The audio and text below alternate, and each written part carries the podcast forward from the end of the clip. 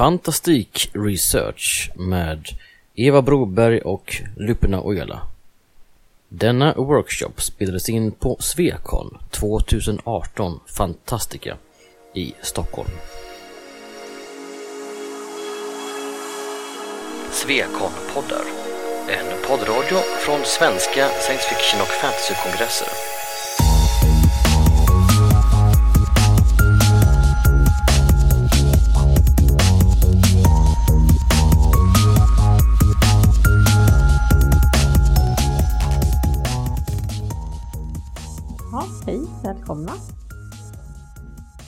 Vi kommer prata om lite fantastikresearch. Jag heter Eva Broberg. Jag eh, är författare, har gett ut två romaner hittills, två dystopier, Friskyttarna och Desertörerna. Desertörerna kom för en vecka sedan, den fyller en vecka imorgon. Eh, jag driver Marva förlag också, där jag ger ut andra författare. Också. Ja. Jag heter Lupin Ojala och jag skrivit två fantasyromaner och ett ganska stort gäng med noveller med ganska många antologier. Eh, och så har jag också ett boklag som heter Katoblepas förlag där jag ger ut andra författare. Och research då? Var, varför ska man göra det? Det är en fråga man ställer sig. Det är ju naturligtvis handlar om att göra berättelsen trovärdig. Och eh, man kan göra research på många olika sätt. Man kan läsa sig till saker och ting eller man kan göra saker och ting praktiskt. Och vi tänkte prata om lite olika metoder som man kan göra det här, men först skulle vi göra lite egna exempel. Eh, jag har till exempel när jag har gjort research gjort lite så här halsbrytande saker. Som till min senaste bok nu så, så är det så att det finns stora radiomaster i Motala där jag bor. Och där lät jag min karaktär klättra. Så jag var uppe och gjorde research i vintras och filmade de här och la ut på in Instagram och Facebook. Sen dröjde det inte länge så blev jag kontaktad av de som driver Motala mastklättring. Så de erbjöd mig att göra research på riktigt. Så för några veckor sedan var jag uppe där, 124 meter upp. Det var jättehäftigt faktiskt. Och det visade sig att allt jag hade skrivit i boken stämmer. Det var ju jätteskönt. ja. Uh, jag håller just på att skriva min tredje fantasyroman som är en, handlar om en tempeldanserska. Så den här boken heter Sandras hjärta. Och ska man skriva om en danserska så måste man ju dansa själv. Så i ja, två år nu, i grundlig så har jag dansat orientalisk dans. Och faktiskt stått på scen två gånger, vilket var jätteläskigt men jätteroligt. Ja. Och då kände jag så här, Boken tog, drog ut på tiden lite för att skriva också för att jag ville verkligen sätta mig in i hennes kamp liksom att, ja, med dansen, att gå vidare med det. Så det har varit det var nog min konstigaste research, tror jag. Ja, du har ju tränat kampsport också. Ja, det har jag gjort, både med eh, svärd och stav.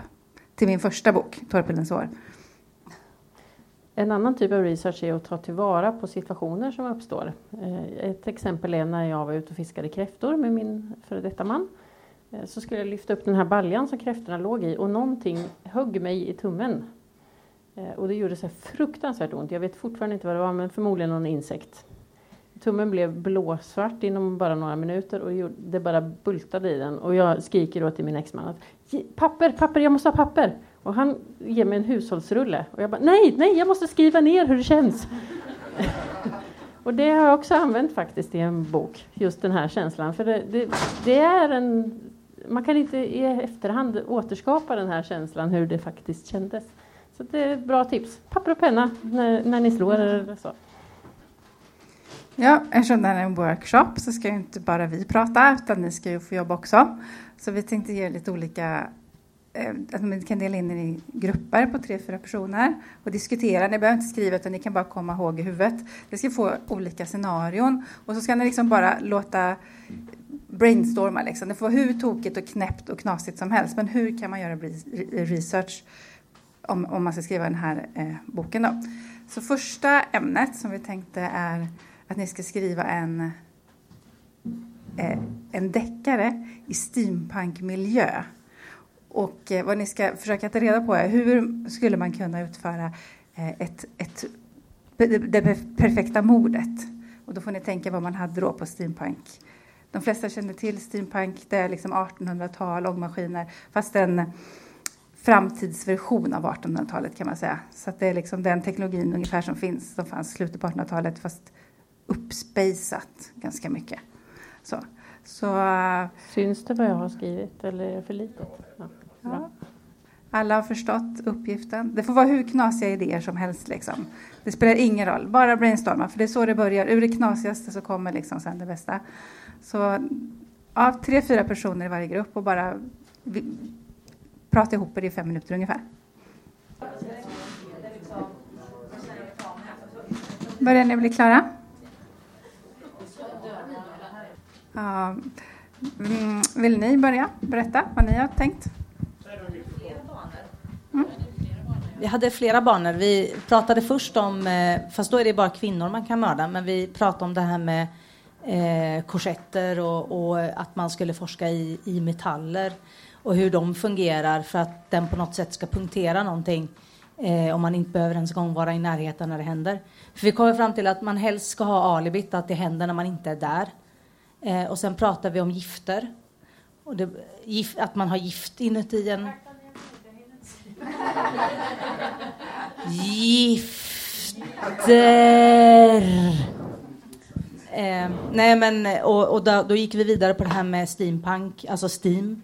Att man har det då på något sätt i ångan. Så att det, och då pratar vi om att gå till urmakare och kolla för att det ska ju helst inte heller hända när man är där utan då ska det vara någon slags timer på det här och så ska det vara precis rätt gift eh, och då får, behöver man ju gå till zoo kanske eller så och prata om vilka gifter som finns som kan vara bra i ormar och liknande som man på något sätt kan, kan då låta gå ut och lagom mycket för att personen ska dö men tillräckligt lite för att det ska försvinna.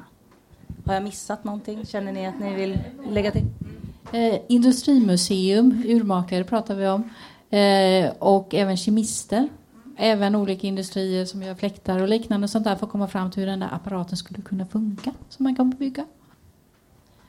Var det ytterligare någon grej som vi har missat? Nej, inte något viktigt. Det var ju fantastiskt. Vad kul! Ja. någon, vill, vill ni fortsätta kanske? Vi kan köra så. Kanske, runt. Ja, pratar du? Uh, ja, vi vi var inte så precisa med mordmetoder, insåg vi. Eh, men vi pratade om eh, att läsa in sig på vapen, mm. hur de faktiskt fungerar. Så att det, om man vill att ens figur ska hantera en pistol, att man faktiskt vet hur man gör det och inte bara skriver blaj. Eh, och, och vi var också inne på det här med gift, att läsa in sig på, fast vi var nog mer inne på växt, växtgift och då, ja, man måste ju veta inte bara vilken planta du använder utan hur skapar du själva giftet? Hur extraherar du det? Vem pratar man med då? Någon sorts botaniker? Eller? Ja, botaniker, ja. kemist. Mm. Ah. ah. eh, ska se här, vad var det mer? Eh, Ja, sen, sen, var vi mer inne på allmänna termer. Tox, toxikolog. Ja. Om man överhuvud... Ja. vi började väldigt allmänt att ska man överhuvudtaget skriva en steampunk-roman så lär det ju vara bra att börja med att läsa in sig på 1800-talssamhället och eh, ta gärna kontakt med närmaste museijärnväg för att lära sig om det här med liksom, hantera ångtåg bakom kulisserna kan man få lite uppslag kanske på mm, där kan någon klämmas ihjäl eller så. Ja, just det. Det är faktiskt en viktig synpunkt. Att man, man kan ju faktiskt få idén till hur mordet ska utföras medan man gör sin research. Man behöver ju inte mm. ha mordmetoden klar från början heller. Mm. Eh, ja, sen var vi inne på polisväsendet. Hur funkade det då? Kun, ska man göra det perfekta mordet så måste man ju ha koll på vad kunde dåtidens polis faktiskt avslöja och inte. Eh, ja, så var, var för att återgå till det här med gifter. Man behöver ju inte använda ett faktiskt gift. Man kan ju hitta på något fiktivt gift som inte finns på riktigt. Absolut, fast det måste ju vara trovärdigt. Så ja. då är det ju bra att Ja, då måste man ju ändå ha den här mm, grundkunskapen. Mm. Mm. Ja, absolut. Det är steampunk, fantasy, allting. Klart man, då får man ju hitta på. Men det måste ju vara trovärdigt även om det är någonting man har hittat på själv. Som vi brukar säga, man får bryta mot reglerna om man kan dem. Mm. Och det är ju samma sak med gift. Kan man mycket om gifter så kan man hitta på ett eget. Det blir mer trovärdigt. För då har man lite koll på hur gifter i allmänhet brukar fungera. Och då kan man hitta på ett eget. Ja, vi pratade ju även om att ljuga övertygande, för de flesta är inte experter kanske i just gifter och så. Så, att, så de flesta kanske tror att det är sant även om man ljuger väldigt övertygande. Ljuga, tycker jag du ska skriva. det är väl lite det man gör som författare. Men man får ljuga bra. Eller se till att man researchar rätt saker. Se till att du researchar rätt sak. Jag tog som, berättade som exempel när jag läste Arn-böckerna. Blev jag så imponerad av Guillous skildring av när Arn lärdes upp till riddare och den här träningen av svärdskonst. Tills jag läste en artikel av, av någon som verkligen kunde det här med svärdsfighting och eh, avslöjade att det, det Geo beskrev det var teaterfäktning och inte riktig fighting. Så att eh, den som kan sitt område avslöjar sånt där direkt. Och eh, det hade ju varit lika enkelt för Geo att höra av sig till någon sån här eh, fightgrupp som håller på med riktig stridsträning och få deras kunskap. Det hade inte varit svårare än att, än att då, det han uppenbarligen hade gjort, prata med någon som kan teaterfäktning. Ja, precis. Föreningar är ju jättebra överlag att ta kontakt med. Där kan man säkert kunna få komma och prova också, provträna lite hur känns det att hålla ett svärd och hur känns det att fäktas. Mm. Är ni färdiga?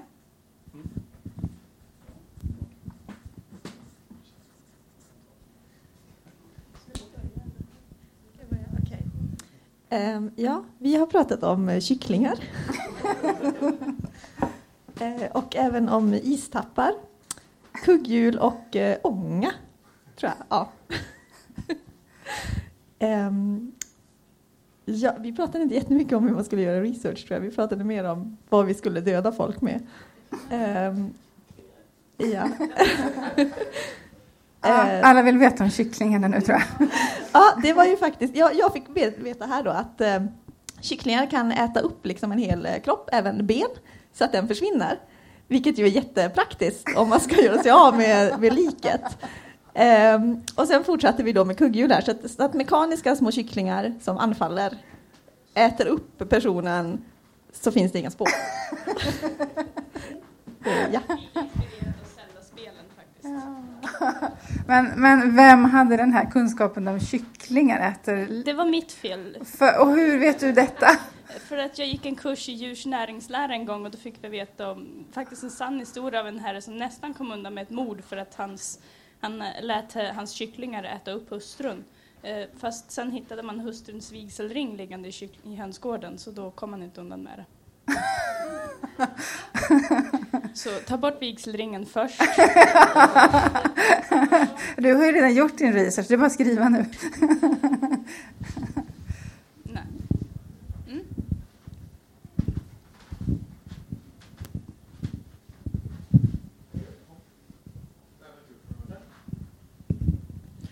Eh, jo, i den här um, gruppen så eh, tänkte vi oss att det, i den här steampunkvärlden så hade det blivit populärt med tjurfäktning. Fast man använde ångdrivna tjurar. Och eh, så skulle helt enkelt eh, matadoren mördas genom att tjuren sprang över honom. Exakt eh, hur det skulle eh, utföras eh, kom vi inte fram till, men jag antar att man kan göra det genom att manipulera mekanismen i tjuren på, något sätt. Men just det, man hackar kugghjulen i, i, i tjuren. Um, ja, jag hade själv en idé också att man kunde eh, använda en exploderande ångpanna för att mörda någon. För att under 1800-talet var det fruktansvärt många som gick, gick åt genom att ångpannor exploderade. Man, man hade inte riktigt koll på det här med tryck och sådär. Och, eh, metallurgin, materialet var kanske inte så bra i ångpannorna och, och sådär. Eh, bara en liten kommentar om Jan Guillou. Hans research i övrigt i ormböckerna lär inte vara särskilt bra. Bland annat så, så ska han ha, ha introducerat tomater där. Och de kom inte till Europa förrän efter Columbus.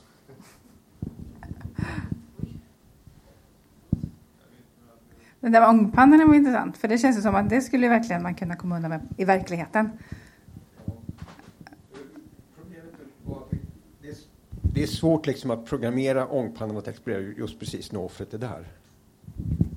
Och eh, idén var ju, eller grundidén var ju egentligen att det perfekta mordet är det som ingen inser är ett mord. Mm. Alltså ska det maskeras som en olycka. Mm. Och det är klart, eh, att fejka en ångpanna så att den exploderar, det betyder råverkan. Mm, då finns det spår. Eh, men ja, och sen så steampunk. Så det, och det, däremot så talade vi inte alls om eh, vilken research man skulle behöva göra.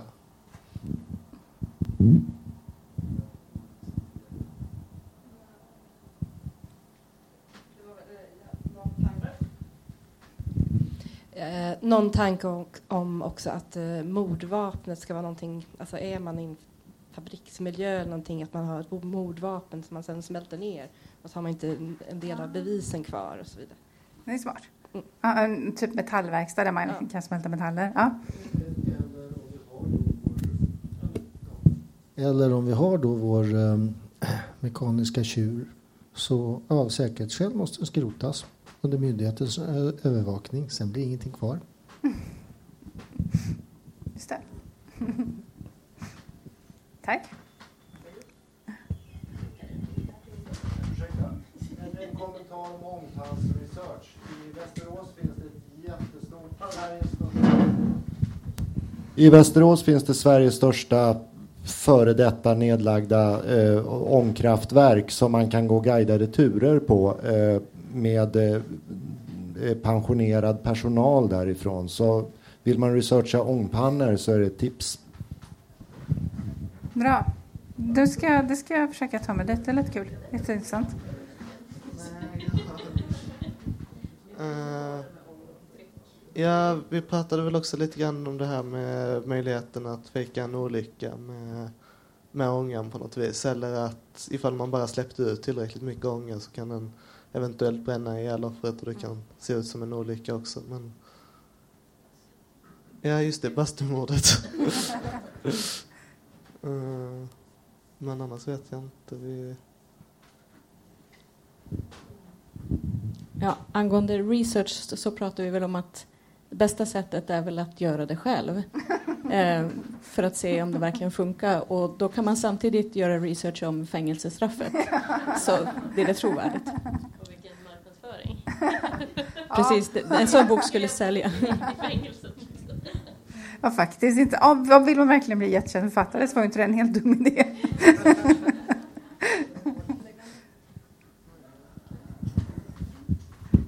Jag tror... Sandra vill Jag kom faktiskt på någonting ni ännu inte har tagit med. Nämligen eh, luftskepp och luftballonger. För man kan ha helium i dem och man kan ha väte. Båda flyger lika bra. Det är bara det att väte är explosivt. Och med ett litet urverk så kan man liksom sätta in någonting i, i ballongen eller luftskeppet som knäpper en liten gnista och det räcker för att hela eh, zeppelinaren eller luftballongen ska slukas i ett eldhav som Hindenburg som landade på Lakehurst i New York 1937. Det var redan det var färdig research där. Jättebra. Tack. Fantastik är ju många olika genrer, som ni vet. Eh, så vi tänkte ta ett, en annan genre nu, eh, dystopier. Det är det som ligger mig varmt om hjärtat. Här tänkte vi att ni skulle själva fundera ut ett scenario. Alla vet vad dystopier är, eller? Det utspelar sig ju gärna i framtiden. Eh, behöver inte vara så långt fram, kan vara jättelångt fram. Det är helt upp till er. Fundera ut ett scenario och hur skulle ni göra research för en dystopi? Ni får fem minuter. Vi tänkte att vi börjar från det här hållet den här gången.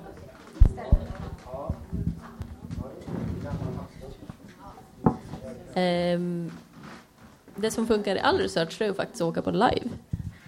Och prova att vara någon annan.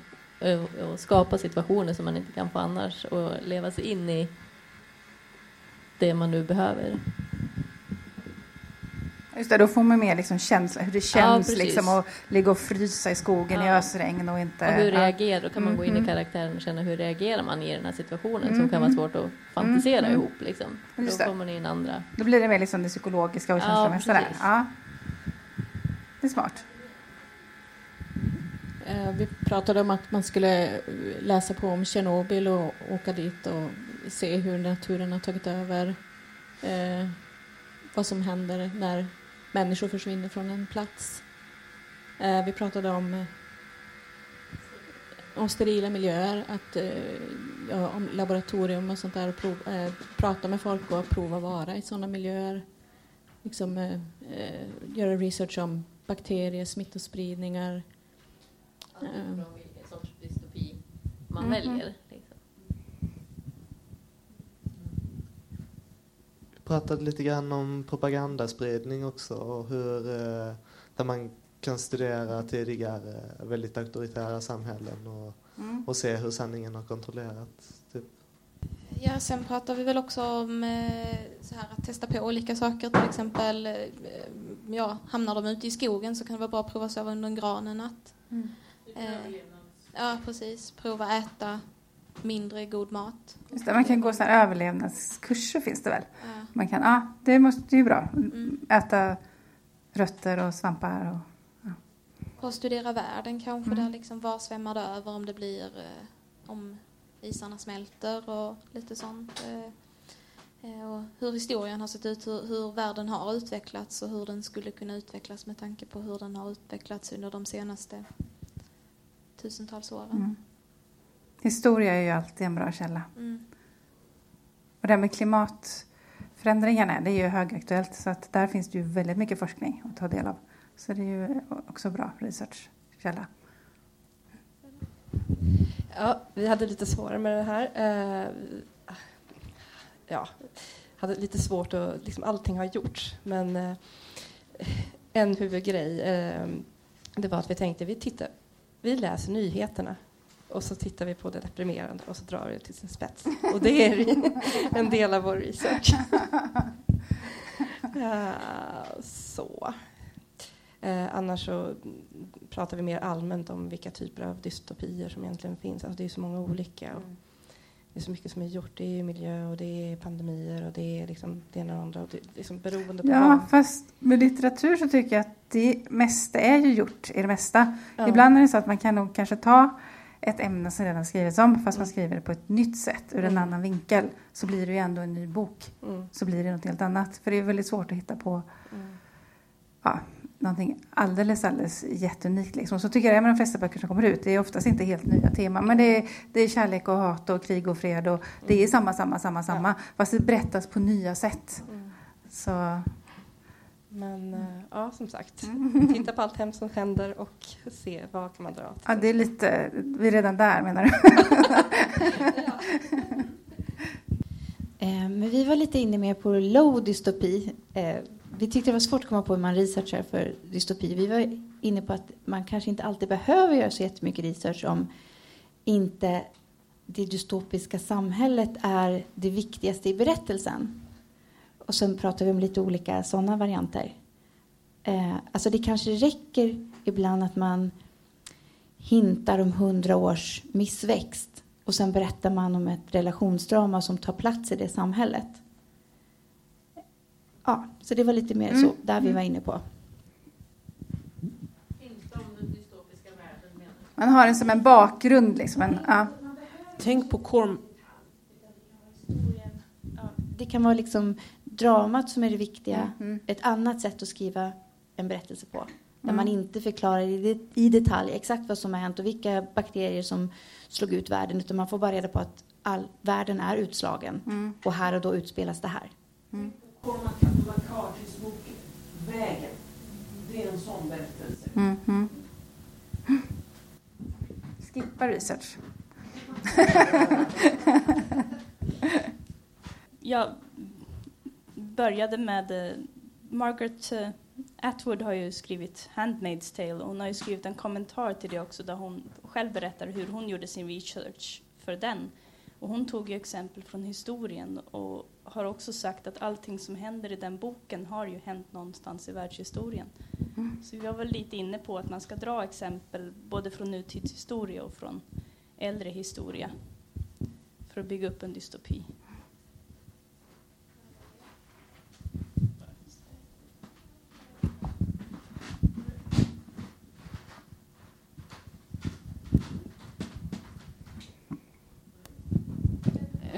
Ja, vi kom inte fram till så mycket så vi har så mycket att bidra med. Vi, vi är inte så inne i dystopier någon av oss och vi fastnade lite där. Att, eh, och bara gick igenom, ja det och det och det har gjorts. Försökte komma på någonting nytt, Mm. men det lyckas vi inte med.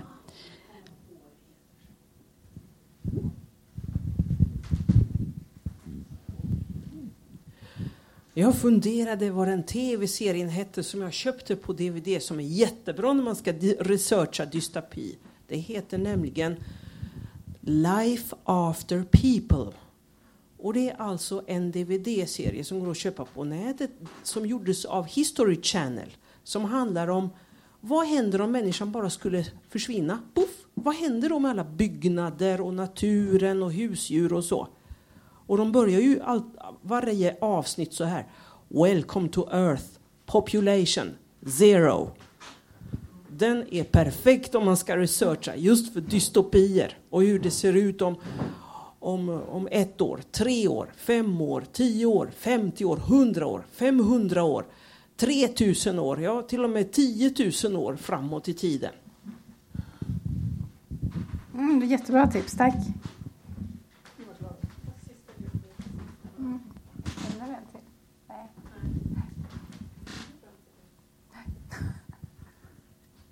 Eh, Eh, ja, det var, vi kanske pratade mer om efter naturkatastrofen miljöer snarare än dystopier. Inga så 1984 dystopier.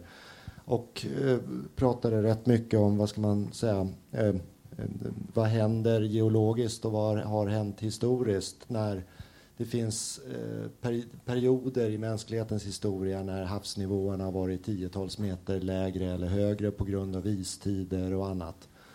Eh, och miljöer man kan besöka är ju glaciärvandring och man kan eh, eh, besöka vad ska vi säga, före detta havsbottenmiljöer. Jag tror det, finns, jag tror det är Aralsjön i, i Ryssland som, som eh, har så att säga minskat i yta med eh, många kvadratkilometer för vattennivån har sjunkit så mycket på grund av att man har tagit ut, man har konstbevattnat tror jag för mycket. Så att eh, då kan man se hur det, vad som händer med före detta, kanske inte havsbotten för det är ju en insjö, men ändå. Det är antagligen likt.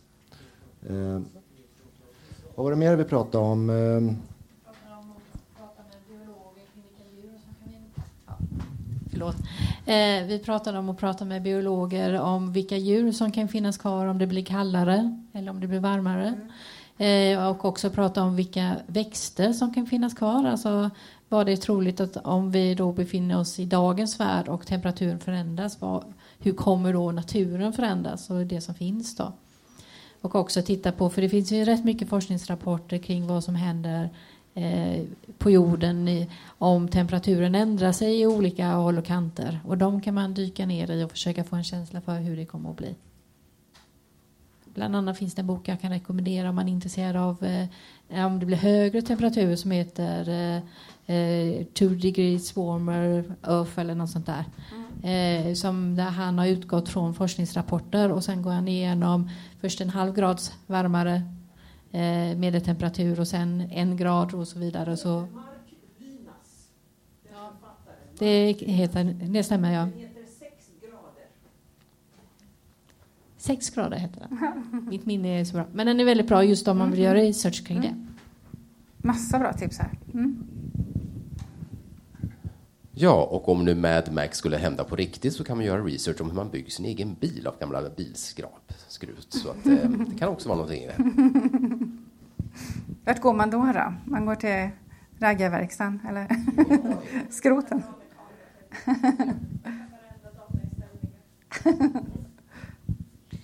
Eh, Ja, ja. De kan. Något som jag tänker på som eh, det är ju psykologi skulle jag vilja researcha mycket. Vad, vad händer i, i grupper när vid sådana här, alltså vid katastrofer, vad gör människor? Man ser ju alla de här filmerna när folk blir helt vansinniga, de plundrar och grejer. Varför gör vi det? Sådana grejer skulle vara intressant att liksom hur skulle vi reagera? Vad skulle hända med samhället? Vad, vad, hur skulle vi Socialpsykologi. Socialpsykologi, precis. Mm. Det har gjorts mycket forskning på det också. Det är Mm. jättespännande. Och då kan man läsa sån Mm. forskning Jättekul. och använda sig Mm. utav. Absolut.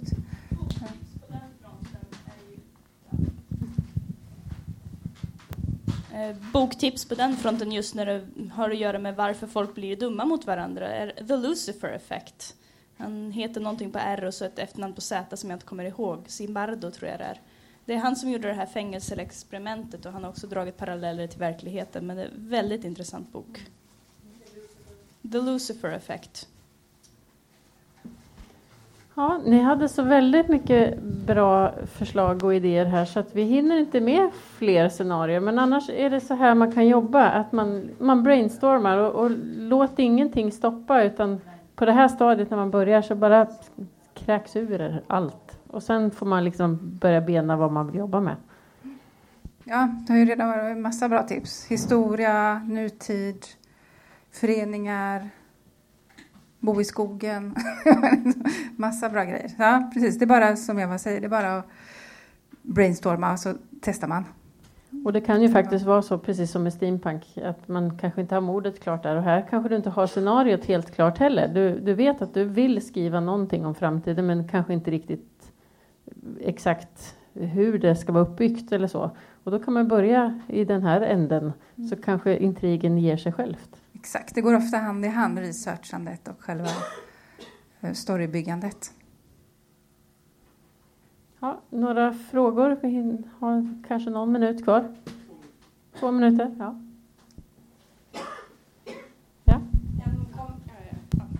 En idé bara som jag fick eh, för det här steampunk-temat, att apropå gå på det här eh, ång, vad var det, Eh, ångmuseet i Västerås. Eh, Att i London finns eh, The London Water and Steam Museum, eller The London Museum of Water and Steam heter det kanske.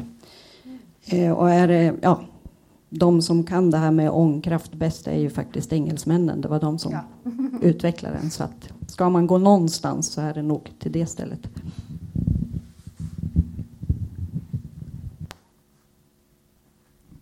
Någon mer som har något? Nej? Mm. Nej, men då, då tackar vi för oss.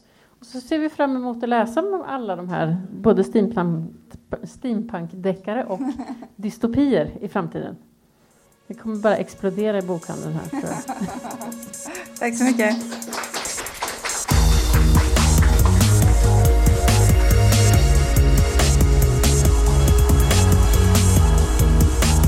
Musiken av Psychedelic Pedestrian från Free Music Archive.